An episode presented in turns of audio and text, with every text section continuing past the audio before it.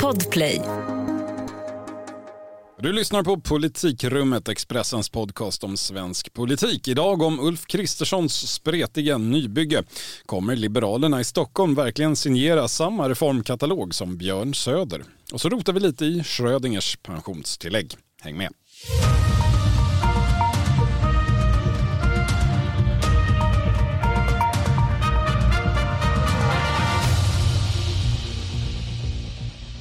Det är tisdag den 28 juni och dags för det 37 sammanträdet här i Politikrummet. Det sista ordinarie sammanträdet för vårsäsongen dessutom. Med idag Thomas Nordenskjöld. Hallå. Och jag heter Viktor Bart Kron. Vad fort det har gått, hörru. Ja, men det har varit ett ovanligt händelserikt halvår detta får man säga. Även med moderna mått mätt skulle jag säga. Du menar kanske det här med pandemin som var tillbaka och vände lite i januari, sen försvann och sen blev det krig. Sverige ansökte till NATO och två regeringskriser i veckan och så vidare. Ja, och så har det varit Magdalena Anderssons första halvår som statsminister. Bara en eh, sån sak. Stökigt men eh, opinionsmässigt något av en succé. Ja, för första gången egentligen på ganska länge så har det ju rört på sig i partiopinionen, i alla fall för ett parti, Socialdemokraterna. Men eh, när vi sitter i studion idag ska säga så befinner sig statsminister Magdalena Andersson i Madrid och försöker nästla sig in i NATO som har toppmöte där. Hur det går eh, vet vi inte i skrivande stund. Det är möjligt att det, det, har kommit klarhet när ni hör detta. Vi noterar att det pågår i alla fall men går vidare med annat. För eh, sen senast vi möttes här förra veckan Thomas så har ju faktiskt andra processer gått i mål. Förra onsdagen så nådde den socialdemokratiska enpartiregeringen en verklig milstolpe. De fick nämligen igenom en budget. Ja, ja, och det satt väl ändå ganska långt inne får man säga. Det krävdes ganska mycket trixande och fixande och en extra ändringsbudget för att det skulle gå. Men till slut så slöt eh, Centerpartiet och Vänsterpartiet upp, eh, ja Miljöpartiet också såklart. Och Amineh Kakabaveh. Lätt att glömma nu för tiden, vilket de själva ofta blir varse. Ja, och Amineh Kakabaveh likaså. Enligt ut, egen utsaga så bestämde hon sig ju in i kammaren. Men ja, budgeten gick igenom. Ja, jag såg en, ett inslag där på, på tv när hon står alltså utanför dörren och talar om att hon inte har bestämt sig och sen går hon in i kammaren. Så det, hon gjorde sitt bästa för att dramatisera det här in i det sista får vi säga. Ja, men det gjorde hon. Och, alltså under den här omröstningen då eh, har varit många sådana här liksom, ganska dramatiska skeden. Eh, nu händer det igen. Men ett nytt inslag här var ju att eh, Ardalan Shekarabi, alltså socialförsäkringsminister numera, inte sant? Ja. Eh, han stod och live-kommenterade. Han var inte inne i kammaren som de flesta andra i regeringen utan han stod utanför riksdagens kammare, alltså i kammarfoajén där alla journalister är och stod där och Tittade på tv? Tittade på tvn som alla andra gör på den här skärmen som, och lyssnade på vad som sägs och man kan följa hela röstningsförfarandet. Och, och stod i, jag tror att det var i radion stod och live-kommenterade. Det var flera runt, jag såg en SVT-mikrofon också. Ja. Och jag hade för sig lite svårt att höra vad han sa för att eh, det var en moderat tjänsteman som eh, höll på att viska mitt öra. Eh, att det var, som, ja, han sa saker som att eh, det är första gången Ardalan Shekarabi vinner något i riksdagen och sådär. Ja just det, Ardalan Shekarabi har ju haft en lite motig tid som eh, som statsråd. Det var regionreformen som inte gick igenom. Försökte avskaffa landstingen till förmån för sex regioner om jag minns rätt. Det blev ju inget med det. Det blev heller inget med Reepaluutredningen som han också eh, höll i. Men den här gången så blev det en pensionsjustering. Det blev det. Ja. Eh, en annan stark scen för övrigt i det där sammanhanget var ju när finansminister Mikael Damberg precis efteråt hade presskonferens i det presscenter som är då precis bredvid kammarfoajén. Och han pratade då mycket allvarligt om vikten av en ordnad budgetprocess och så vidare. Jag var där, det var lite svårt att höra vad han sa för precis utanför presscentret stod nämligen hela Vänsterpartiets riksdagsgrupp och tjoade och firade och jublade över den nya pensionshöjningen som man har tvingat Mikael Damberg att genomföra då. Eh, så det var något väldigt symboliskt i hela settingen där om man kan säga så.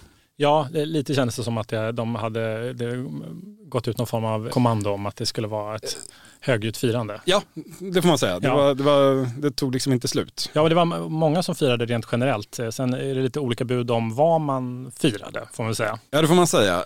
Så här lät det från Vänsterpartiet och Centerpartiet som alltså för första gången röstade på samma budget, kom ihåg det, i SVTs Aktuellt samma kväll i onsdags. Jag är ju väldigt glad idag. På 25 år har vi inte höjt garantipensionerna så här mycket. Ja, men jag är nog faktiskt gladare än Nooshi Dadgostar. Regeringen gick oss till mötes. Man tog bort det så kallade Nooshi-tillägget och ersatte det med en rak höjning av garantipensionen. Ja, Vänsterpartiet firade att Nooshi-tillägget har gått igenom. Centerpartiet firade att man hade stoppat Nooshi-tillägget. Glasklart. Ja, det känns ju eh, oerhört lovande detta inför kommande regeringsbildning. Ja, och ska man försöka göra någon form av faktakontroll på det här så är det ju som vanligt svårt, men man kanske kan säga att strikt formellt så hade alltså Annie Lööf rätt, men i praktiken så hade Vänsterpartiet rätt medan Centerpartiet är objektivt tramsiga. Det här var ju ur varje vinkel Vänsterpartiets förslag från början som sen letade sig fram. Ja, jo men eh, så var det väl. Alltså man, man kan väl konstatera ändå att det var det är uppenbart viktigt eh, för Centerpartiet, eh, trots att de här partierna röstar på samma budget, så är det viktigt för Annie Lööf och Centerpartiet att distansera sig från Vänsterpartiet. Eh, Möjligen så ja. En, en kompromiss kanske vore att döpa det till Schrödinger-tillägget. Det både finns och inte finns, i alla fall som vänsterpartistisk produkt. Whatever. Det finns ju fortfarande, som vi uppenbarligen kan notera, en del frågetecken kring det rödgröna regeringsalternativet. Men de frågetecknen får faktiskt nu tills vidare bli hängande lite grann i luften. För idag ska vi nämligen vända blicken åt andra hållet. Du Thomas har ägnat den senaste veckan, alltså efter detta, åt att rota i Sverigedemokratiska kretsar och hänga på stan med liberalpartistiska motståndskvinnor, bland annat. Detta låter ju mycket spännande. Ja, men det var trevligt. Den ganska breda politiska palett som oppositionen är numera med socialliberaler som Anna Starbrink och eh, sverigedemokrater som Björn Söder i samma regeringsunderlag. Ja, på min sida av politiken så är vi fyra partier som är eniga brukar ju Ulf Kristersson säga i olika varianter i debatterna nu för tiden. Men riktigt så enkelt är det inte, har våra trogna läsare säkert noterat förr, men ännu mer efter att ha läst ditt reportage. Nej men precis, alltså det, det är mycket fortfarande som är oklart inom högerblocket måste man säga. Om man nu kan kalla det för högerblocket förresten. Eh, alltså jag gör det, men det har uppstått en, en viss namndiskussion där. Alltså vad, vad, vad kallar du oppositionen, Viktor? Ja, där, det är mycket namndiskussioner nu. Det är politisk vilde eller partilös och det är mm, vad oppositionen ska heta vad regeringen ska heta. Ja, alltså jag tycker nog ändå att högerordet är det minst dåliga alternativet eftersom det är, det är minst värdeladdat eller vad man ska säga. Alltså, det borgerliga blocket är ju det som vi brukar kalla alternativet till höger men det funkar ju inte eftersom Sverigedemokraterna är en substantiell del av det nya blocket och Sverigedemokraterna är inte ett borgerligt parti, inte enligt sin egen definition, Nej. inte enligt någon annans definition heller. Nej, det blir konstigt. Ja, alltså jag, jag tycker väl egentligen att det blå blocket kan vara okej. Okay. Men då måste ju det andra blocket också ha en färg och då blir det ju det röda eller det rödgröna. Rödgröna skulle i och för sig fungera men det är ett väldigt inarbetat namn för kombinationen S-V-MP och jag tror inte att Centerpartiet eh, blir jättenöjda med den. Nej, men de, det är mycket de inte blir nöjda med. Ja, precis. Namn, det, det, går, det, går inte, det, det, går inte ens att beskriva den svenska riksdagen utan att kränka Centerpartiet. Rent färgmässigt stämmer det ju. Eh, ja, färgmässigt stämmer det. Men jag, jag landar nog ändå i att eh, högersidan, eller högern, funkar. Det är inte laddat, det är en positionsbestämning. Det är ju så att de fyra partier som av sig själva och av väljarna, deras egna och andras, definierar sig själva längst till höger, eller till, åtminstone till höger om de fyra partierna som stöder regeringen. Det är oppositionen. Medan de fyra partierna som definieras mest till vänster, de stödjer den sittande regeringen. Alltså blir högersidan och vänstersidan en logisk och ganska enkel benämning tycker jag. Men det bygger ju då på att man använder båda. Man kan inte säga, alltså man kan inte kalla de ena för högern och de andra för... Så, som jag säger då, högerblocket och de, de, de rödgröna inklusive Centerpartiet. Får det godkänt? Nej, det tycker jag blir i längden kanske lite jobbigt. Det blir, då, då, Nej, jag, jag ty tycker nog att man har, eh, ska försöka hålla sig till något som blir liksom lika för alla så att det, blir, ehm, eh, eh så att det inte uppfattas som ett avståndstagande åt andra hållet. Men det, det, är sällan lätt i svensk politik nu för tiden så det mesta är väl någonstans eh, okej, okay, kanske. Ja, och i alla fall då, eh, intensiva diskussioner pågår ju nu då inom detta. De fyra partierna som inte är regeringen eller underlag. Det så kallade högerblocket då med Moderaterna, Kristdemokraterna, Liberalerna och Sverigedemokraterna. Och det man talar om nu i, i de här diskussionerna som pågår på alla nivåer då enligt Jimmie Åkessons utsaga så, så är ju det Alltså man talar om de förhandlingar som ska ske efter valet, alltså man förbereder dem. Och den här då perioden som är mellan valnatten där då den 11 september då, då de här högerpartierna hoppas på att ha majoritet, från det till den första statsministeromröstningen. Det där är ju liksom en oerhört kritisk period, eh, beskrivs det som av flera inblandade. Det är då allt ska falla på plats, alltså det här eh, högerblocket. Då ska man formera samarbetet, hitta formerna för det och enas om sakpolitiken. Och eh, det är ju ingen liten sak. Nej, och det har ju ändå, får man påminna sig om, än en gång gått ganska snabbt också. 50 för drygt två år sedan så hade Moderaterna inga kontakter överhuvudtaget med Sverigedemokraterna på nationell nivå. Samarbeten på lokal nivå, de fördömdes av partiledningen.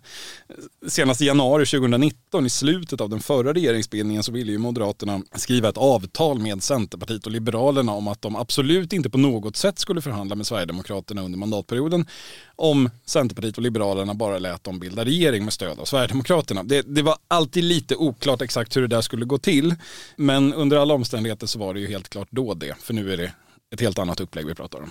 Ja, och nu ska man alltså då enas eh, mellan dessa fyra partier, försöka enas. Och det tycks ju som att Sverigedemokraterna ändå accepterar att de inte kommer att sitta i regeringen. Alltså nu säger Jimmie Åkesson till mig när man frågar att den här frågan inte är avförd. Man vill väl att det här liksom ändå det ska finnas kvar eh, som en reell möjlighet. Men sättet han eh, uttrycker sig på tycker jag ändå tyder på att eh, Sverigedemokraternas ledning räknar med att inte släppas in i regeringen. Och, och istället då så, så talar man ju om omfattande, en omfattande och mycket detaljerad uppgörelse som reglerar både då formerna för samarbetet och eh, sakpolitiken. Och det här är någonting då som eh, även Moderaterna är öppna för. Ja, det, det, låter väl som att man siktar på något slags septemberavtal då, eller kanske oktoberavtal eller novemberavtal om det drar ut på tiden riktigt mycket. Något slags variant av det så utskällda januariavtalet. Eller? Ja, ja, sen värjer de sig ju, när man frågar om detta så värjer sig man ju från alla de här partierna mot januariavtalet. Men mer i sak än form faktiskt. Alltså januariavtalet spretade mycket på, talar man då. Det fanns ingen gemensam reformagenda. Men från Sverigedemokraterna när man då beskriver den här uppgörelsen som man säger då kommer krävas. Man säger också att vi kommer inte chansa, vi måste veta exakt hur formerna för samarbetet ser ut och vilken politik vi ska få ut av detta. Nej, men då är det, liksom, ska det vara en mycket detaljerad och omfattande uppgörelse. Det talas i termer av en telefonkatalog. Ja, Sverigedemokraterna kallar sig ju gärna för ett konservativt parti. Det är väl ibland lite si och så med den ideologiska förankringen men eh, att prata om en telefonkatalog år 2022 det är väl odiskutabelt konservativt får man ändå säga. Ja men det får man säga. Det känns Eh, Eh, som eh, min barndom på 80-talet. var mycket telefonkataloger. Men, nej, men alltså Jimmie Åkesson, alltså han resonerar ju lite som Annie Lööf gjorde när hon slöt januariavtalet med Socialdemokraterna då. Och liksom just det här med att man, eh, han säger precis som hon gjorde att den som regerar, de som har makten, de får betala stor, i, form, i, termer av, liksom, i form av stora eftergifter till då i det här fallet Sverigedemokraterna, tidigare Annie Lööf och Centerpartiet. Och att Sverigedemokraterna då ska ha mer betalt och att den här uppgörelsen måste vara mycket mer omfattande om Sverigedemokraterna inte sitter i regeringen. Och det Annie Lööf ville ha eh, och ansåg sig ha fått, sen gick det väl som det gick med det, delar blev av, men det, hon kallade det för en liberal reformagenda. Så vad vill Sverigedemokraterna då se? Är det ett slags nationalistisk återställaroffensiv eller har man Ja, så, kallar man det nog inte. Men det han säger, vi får väl se vad det, återigen, det kommer nog nya namndiskussioner här till hösten, men det Jimmie Åkesson säger är ju att han vill ha inflytande över alla politikområden, eh, inklusive saker som försvar och utrikespolitik. Eh, det där smärtar nog för en del inom borgerligheten som hade tänkt att det där kan man nog sköta själva. Eh, vi får väl se hur mycket Jimmy Jimmie Åkesson kommer påverka det där. Men annars är det ju liksom de här centrala frågorna där man redan har gjort en del gemensamma utspel från de här högerpartierna. Det, det gäller migrationen då, inte minst såklart väldigt central för Sverigedemokraterna. Men även kriminalpolitiken, energipolitiken och integrationen är ju sådant som man, man pekat ut som, som viktiga områden där man kommer behöva enas. Och, ju, och just där bland annat brukar ju eh, Ulf Kristersson och Ebba Busch framhålla hur eniga man är på deras sida av politiken och då peka på att man har eh, skrivit lite debattartiklar och så i samband med debatter. Eh, det här är väl en sanning med minst ett par tre modifikationer. Det, det finns ganska betydande skiljelinjer om man går lite djupare än så. Jo men det är ju så, alltså i retoriken så låter det ju rätt ofta som att de är tämligen överens men med, alltså migrationen där tror jag ändå att man underskattar konflikten. Man har ju eh, ja, men delvis skrivit ihop sig men inte, eh, det har liksom inte, graden av precision har, eller ja, av, graden av precisering har inte varit så stor så att säga och eh, framförallt mellan Liberalerna och Sverigedemokraterna så är det ju en stor konflikt skulle jag säga, en ganska avgrundsdjup skillnad i hur man ser på det och eh, ja, men jag tror att det kan bli eh, liksom, problem framför allt om det är så att man tänker sig att man ska enas om migrationen innan en, en, en eh, statsminister. Alltså jag, jag, tycker spontant att det här låter som ett jobb som skulle kunna bli ganska stressigt även om man tyckte exakt lika om exakt allt redan från början. Eh, vilket man alltså inte gör. Nej, och Sverigedemokraterna vill ju dessutom, alltså de, eh, de vill i den här stora uppgörelsen som man sluter efter valet som ska innehålla allt möjligt då, där vill man att det ska vara, som delvis var även i januariavtalet, det ska vara preciserat med utredningar som ska tillsättas, någon form av direktiv för dem och datum för när de ska tillsättas och vara klara eh, och lagförslag på plats. Det där beskriver Jimmie Åkesson som någon form av, som någon form av minimikrav och det här kommer ju ta tid. Alltså det, det är alldeles uppenbart. Eh, det, jag menar, Jimmie Åkesson säger själv att vi måste ställa in oss på, på detta. Och sen kommer frågan om budget också som är en ja. Eh, potentiell stötesten. Ja, men det är så. Den ekonomiska politiken är ändå grunden för det mesta. Där beskriver Jimmie Åkesson som att Sverigedemokraterna ska vara någon form av grindvakt för liberala borgerliga reformer. Vi får se. Mot, men, alltså? Mot. Ja, precis. de ska vara grindvakt mot, ja, inte för. Nej, inte för.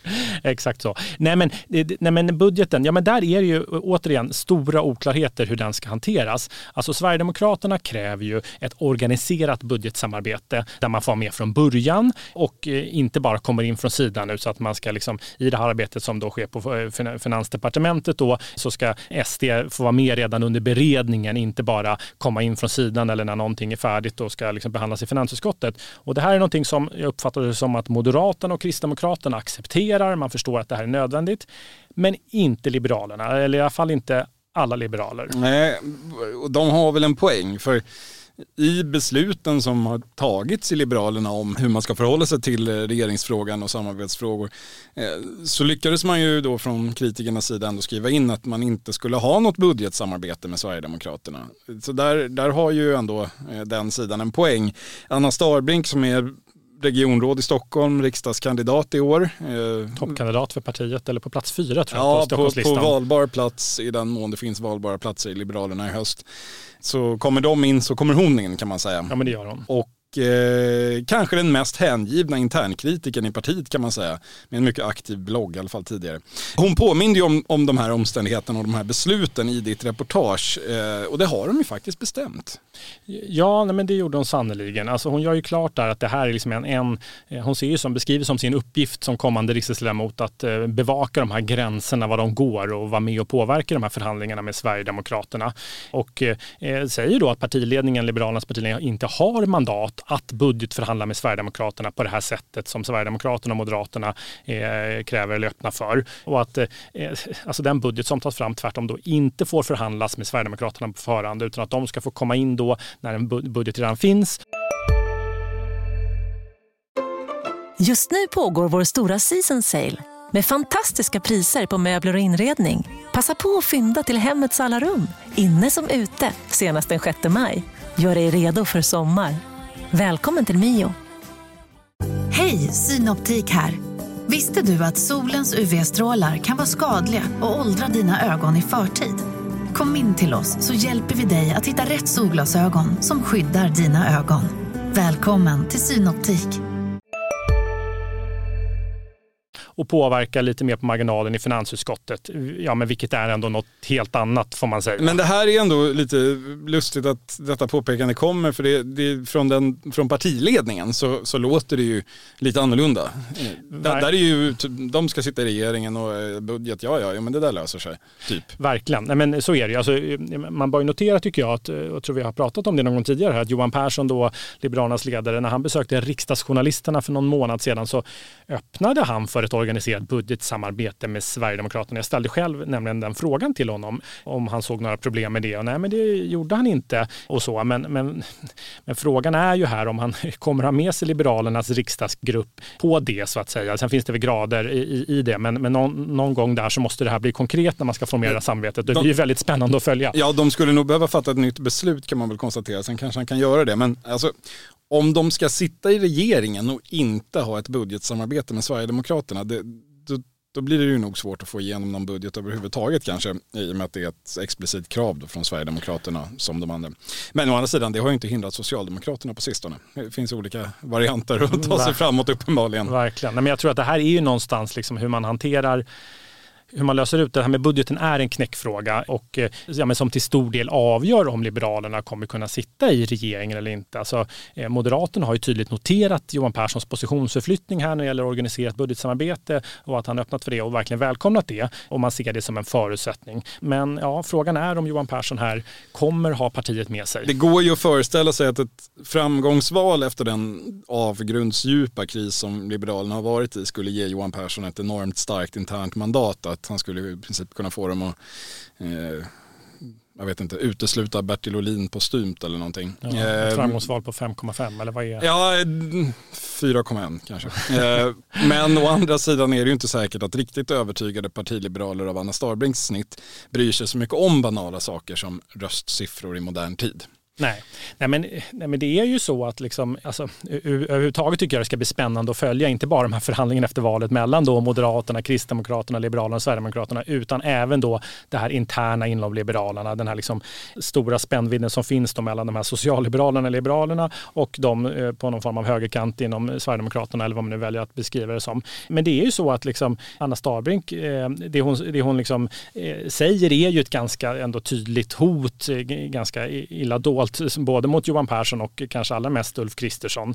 Och när hon säger att det finns en tradition, en lång tradition inom Liberalerna att man som riksdagsledamot kan rösta fritt i samvetsfrågor. Det får ja. man väl säga är liksom, där öppnar hon ju upp om då man gör för stora eftergifter till Sverigedemokraterna. Det vore ju objektivt spännande att gå från i alla fall ett år då med Amineh Kakabaveh som tungan på riksdagsvågen till att få en internkritisk folkpartist som vågmästare ur askan i vulkanen eller vad man ska säga. Ja, men verkligen, men det kan ju, alltså, med tanke på hur jämnt det är, vi kan ju mycket väl hamna i situation där det är då Anna Starbrink och kanske Helene Odenjung som är en annan eh, eh, liberal på vägen i riksdagen. Romina Pourmokhtari, ordförande i ungdomsförbundet, eh, Joar Forsell, den tidigare LUF-ordföranden, de är också där på eh, rätt valbar plats i Stockholm. Någon av dem på mandat 175 är ju inte helt osannolikt. Ja, men de måste vara med på tåget för att Ulf Kristersson ska kunna regera. Ja, å andra sidan kan man ju vända på alltså, man kan ju ställa sig frågan hur mycket Ulf Kristersson egentligen behöver Liberalerna när han väl har tillträtt. Alltså, landar vi in ungefär som det ser ut nu med en övervikt för högersidan, jag sa inte att det ser ut som det just nu enligt Paul och Pols, men om, vi sku, om det skulle göra det,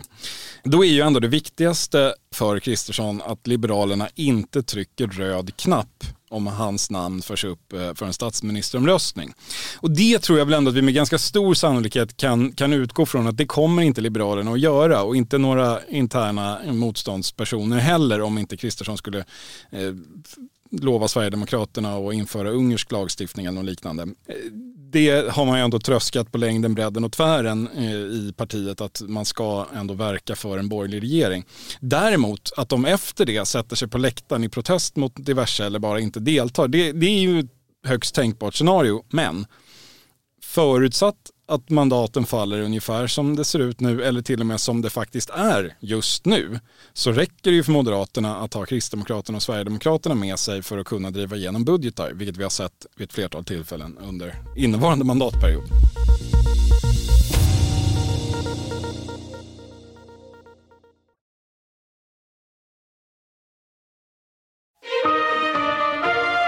Man kan ju fråga sig hur mycket hur mycket han egentligen behöver Liberalerna då, ja. hur, hur viktig den här frågan egentligen är för andra än Liberalerna själva. Jo men så är det. Sen kan man ju notera tycker jag att eh, en sak som faktiskt, eh, ja de här social, liksom alla inom Liberalerna, allt från Mats Persson som ju nu förbereder det här, den ekonomisk-politiska talespersonen i Liberalerna som har varit väldigt starkt pådrivande för att man ska gå in i det höga blocket och till då Anna Starbrink och den falangen. Så det är en sak de faktiskt är överens om är ju faktiskt att man ska sitta i regeringen. Det vill även de här socialliberalerna Liberalerna vara med och påverka från insidan eh, och sätta de här gränserna. Och det är ju också Johan Perssons uttalade mål här. Men eh, eh här, liksom, enligt mina källor, så har ju frågan om vilka partier som ska sitta med i regeringen har verkligen varit uppe till diskussion och det är verkligen långt ifrån avgjort. Eh, som jag nämnde här så att Sverigedemokraterna inte sitter med, nej, men det verkar liksom, eh, där, även fast det inte är liksom, glasklart så, så, så tror jag att det kommer bli. Där Sverigedemokraterna kommer inte sitta med i regeringen. Men när det gäller Liberalerna så, så är det högst oklart. Alltså, enligt mina källor då, eh, från flera partier inom det här blocket så har Sverigedemokraterna lyft detta och sagt att man ser stora problem med och att det är långt ifrån säkert att man kommer släppa fram en, en, en regering där Liberalerna och de, med. Och de är ju inte ensamma heller. Jag tycker det har gång på gång kommit signaler från kristdemokratiskt partiledarhåll om att man nog gärna ser en regering utan Liberalerna. Ebba Busch senast i, i Dagens Industri idag är mån om att ha Moderaterna för sig själv.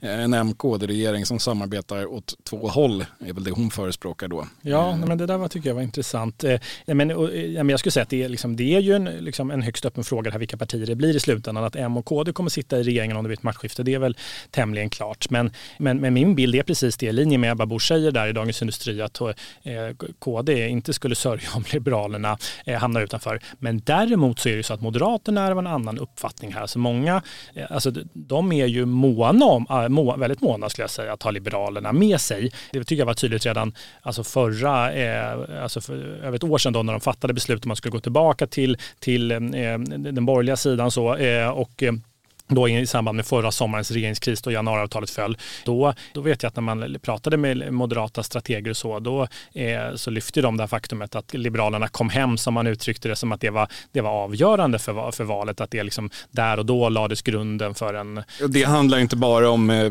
de två procenten som Liberalerna hade med sig då på den tiden, utan att eh, också om hela erbjudandet, paletten. Ja, ja nej, men det, det är så. Det, var det de... blåa högerblockets samlade komposition. Ja, men lite som att eh, Socialdemokraterna inte har något emot att sitta med, med sitta både med Vänsterpartiet och Centerpartiet för de lite tar ut varandra så har ju inte heller Moderaterna något eh, emot att ha både Liberaler och Sverigedemokraterna för de med sig för de liksom lite tar ut varandra. Och det, ja, men det har ju kommit en del mätningar, DN Ipsos nyligen, då leder eh, högeroppositionen för första gången på länge till följd av att just Liberalerna ökar eh, markant. Och jag tog del också av en mätning från Demoskop som eh, Liberalerna beställt som då handlar om opinionen i Stockholms stad, alltså hur man ska rösta riksdagsvalet, eh, hur stockholmarna ska rösta riksdagsvalet. Och den var lite intressant om den nu stämmer, för där visar ju då att Liberalerna ja, men, har mer än fördubblats här under våren, i och för sig från typ 3 till drygt 6. Man ska väl, ja, det är fortfarande hyfsat låga nivåer för att vara Liberalerna i Stockholm. Det har ändå varit traditionellt ett starkt fäste. Men Socialdemokraterna backar då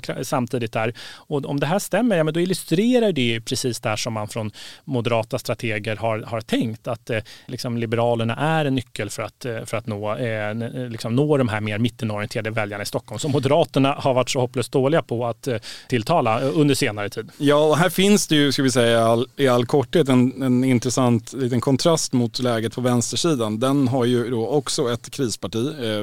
Miljöpartiet som ligger konsekvent under spärren fortfarande. Där har det uppstått en, eller börjar uppstå en diskussion i bredare röda kretsar om huruvida man, eh, eller att man nog borde stödrösta på Miljöpartiet. Att eh, utan Miljöpartiet är vi körda uttryckte sig eh, den socialdemokratiska rebellisten Daniel Suonen i Aftonbladet förra helgen. Göran Greider har varit inne på liknande tankegångar. Det brukar börja där. Sen blir det bredare och det är väl delvis sant. De har inte riktigt råd att slänga bort de där mandaten, eller de där, de där procentenheterna. Men å andra sidan så är det omvända också sant. Att det är väldigt svårt för Socialdemokraterna att vinna med Miljöpartiet. Det är mm. en kontrast här. Alltså Moderaterna upplever sig och tror jag i verkligheten också gynnas av att kopplas till Liberalerna. Det blir lättare att nå de marginalväljare, de kritiska grupperna som man verkligen behöver övertyga. För Socialdemokraterna är det tvärtom. Ju mer man förknippas med Miljöpartiet desto mer skrämmer man sina egna nyckelväljare. Bilburna plånboksväljare i radhusen som gillar Magdalena Andersson men kan tänka sig att rösta på Moderaterna. LO-män som tvekar mellan S och SD. Eh, och så får de höra att eh, Märta Stenevi är tillbaka, på väg tillbaka in i Rosenbad och så springer de iväg igen. Alltså det, det, det finns en ja, det, det, är lite, en liten paradoxal ja, ja, situation. Ett litet moment 22 för hur, hur Socialdemokraterna ska förhålla sig till Miljöpartiet i den här valrörelsen. Man kanske ja. kan hoppas på att någon annan ger dem draghjälp. Frågan är bara vem. Ja, verkligen. Men sen är, alltså, när det gäller då högeroppositionen så är det ju liksom, nej, men det är tydligt så att med, med Liberalerna med som bord så har ju liksom, den här högeroppositionen större förutsättningar, eh, speciellt nu när Liberalerna går över spärren, att nå sina 50,1 procent eh, som man nu behöver. Eh, men det skapar ju då också alldeles uppenbart större motsättningar och spänningar inom det här blocket och blir eh, ja, men svårare att bilda en fungerande regering på det. Jag skulle ändå vilja lufta en liten invändning också vad gäller Sverigedemokraternas förhandlingsposition. Alltså, man jämför med hur Centerpartiet agerade eh, under förra mandatperioden eller när den regeringen skulle bildas och januariavtalet skrivas så det Centerpartiet också gjorde då, det var ju att luta sig mot riksdagsmajoriteten i väldigt många frågor. Mm, eh, man, man pekade att det finns stöd för reformering av arbetsrätten, det finns stöd för eh, reformering av hyressättning, det finns stöd för en massa liberala reformer som man själv kallar det då, vilket var sant om man räknade ihop Alliansen och Sverigedemokraterna det man också spelade på, även om man gjorde det outtalat, var ju att man hade ett alternativ, nämligen att släppa fram en moderatledd regering. Det var ett alternativ man hade då, ska jag säga, knappast nu när man har eh, grävt skyttegraven så djup högerut. Men då hade man det. Eller alltså man inte har något det. alternativ att släppa fram Socialdemokraterna eh, som du ja, nej, men jag, nej. precis. Jag menar att Sverigedemokraterna är ju idag ett betydligt större parti än vad Centerpartiet var då. Det spelar roll, men strategiskt så är läget odiskutabelt sämre. Just för att de tillgängliga riksdagsmajoriteterna i sak, eh, ja de finns, men då är det i frågor som pensioner, eh, socialförsäkringar eh, överlag. Det handlar ju inte om att eh, om Sverigedemokraterna inte kan komma överens om invandring, kultur, integration med Moderaterna och Liberalerna, då finns det ju inga andra riksdagsmajoriteter att luta sig mot i de frågorna. Och det finns absolut inget annat regeringsalternativ. Nej. Alltså att släppa fram en socialdemokratisk statsminister som också stöds av Centern och Miljöpartiet, det kommer inte Sverigedemokraterna att göra, hur mycket konspiratoriskt lagda borgerliga eh, män på Twitter än tror det. Det kan inte ske, för det skulle få Moderaternas svekdebatt efter decemberöverenskommelsen att framstå som en mysig gruppkram. Alltså Sverigedemokraternas sympatisörer skulle inte ha förståelse för den lösningen tror jag. Och på det viset så är ju förhandlingsläget kanske inte så bra som siffrorna egentligen borde medge. Men det bygger förstås på att någon vågar syna positionen. Ja, men, men sen tycker jag att man kan notera det. Alltså, eh, när, när jag pratar med ledande sverigedemokrater så uttrycker de en ganska genuin oro för vad det här skiftet då från, det här, från att man har varit det här ständiga oppositionspartiet att bli en del av makten nu, ingå i ett regeringsunderlag. Det är verkligen ett historiskt skifte för Sverigedemokraterna och svensk politik. Och det man är rädda för då i detta är att det ska uppfattas som att man att väljarna ska uppfatta det som att Sverigedemokraterna är med och styr och har makt, man är en del av makten, men i praktiken ändå inte lyckas påverka politiken i någon större utsträckning. Att man inte lyckas lägga om migrationspolitiken, att saker och ting stoppas av lagråd och tröskas sönder i liksom, eh, av borgerliga tjänstemän det vill i säga det, det som i regel händer när man ska göra politik på riktigt. Ja, men det är liksom det man säger då från Sverigedemokraterna, att det här om något är det som skulle kunna få vårt parti att pysa ihop och därför kommer man då behöva, som man säger, gå in med verkligen full kraft haft de här förhandlingarna efter valet och verkligen lyckas driva igenom väldigt mycket och med en hög grad av precision, eh, eh liksom tydligt vad man har kommit överens om. Ja, eh, så. Ja, alltså, jag, jag, skulle nog säga att den här oron de känner är högst motiverad och, och det är något av en lose-lose situation men den är ofrånkomlig och det, det, är klart att det kan krascha, det kan dra ut på tiden, det kan till och med bli, bli nyval eller sluta med en extremt svag Kristersson-regering utan budgetunderlag. Det behöver i alla fall säkert ske ett par, det kan säkert behöva ske ett, någon eh, eller ett par Så kanske det kan vara. Sen tror jag att de inte kommer undan dilemmat i alla fall för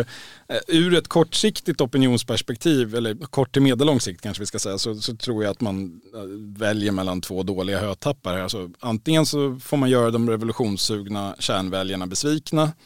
Eh, och det kommer man att göra om man ska ha makt, något annat är nästan otänkbart. Eller så får man blockera möjligheten att byta ut en, som man själv beskriver det, vänsterliberal sosseregering. Eh, inte heller helt optimalt eh, gentemot de mest övertygade sverigedemokratiska väljarna. Men politik är sällan historien om trevliga och enkla val och nu får även Sverigedemokraterna kanske uppleva det. Ja, eller så vinner Magdalena Andersson valet och alla slipper välja. Det vore kanske enklast på sätt och vis. Ja hörni, det här var det sista ordinarie avsnittet av Politikrummet för den här vårsäsongen. Eh, på lördag dock så åker du och jag Thomas och Helena och eh, resten av vår eh, politikredaktion till Visby för Almedalsveckans comeback efter vad som blev tre års pandemiuppehåll. Ja, men det ska bli intressant att se hur partierna tar sig an detta. Det är ju en kortare vecka i år, söndag till torsdag, än det varit tidigare och det är två partier som håller tal om dagen. Alltså det på sönd... I alla fall tre av dagarna.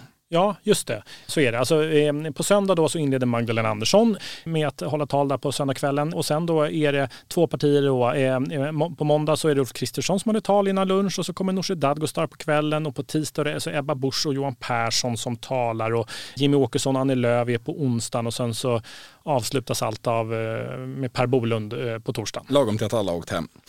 Typiskt Miljöpartiets tur i år. Expressens politikredaktion, vi har ju en egen scen Andra viker ner sig. Vi kör på och tar ansvar för svensk demokrati. En egen scen på Hamngatan i Visby alldeles invid eh, ja, både Almedalen och Donners plats. Framförallt nära Donners plats. Ni som har varit på Almedalsveckan tidigare kommer att känna igen er rent geografiskt i alla fall. Vi drar igång på söndag ungefär klockan två och sen blir det intervjuer och debatter och försnack och eftersnack hela vägen fram till torsdag. Oftast under ledning av mig vår poddkollega Helena Gissén eller vår biträdande chefredaktör Karin Olsson. Även Anna Hedestam från Expressen TV kommer att spela en central roll där. Du Thomas, du kommer som vanligt smyga runt i Visbys gränder och rota fram det senaste och rapportera till oss. ja, jag ska göra mitt bästa i alla fall. Ja, och du, jag och Helena ska också göra en Politikrummet special tisdag klockan 13 på Expressens scen. Är ni i Visby, kom gärna förbi och lyssna på oss. Titta också kan man göra. Då, annars kommer det också gå att se på Expressen TV. Däremot inte i detta flöde eftersom poddlyssnare tenderar att tycka att ljudet på sådana tillställningar är för bedrövligt. Mycket modernt alltsammans. Titta gärna då och lyssna på oss igen senare i år. Men tack för den här studiosäsongen Thomas. Ja, men tack själv. Så ses vi i det här rummet och i det här poddflödet i augusti igen. Tack för att ni lyssnade idag. Hej hej.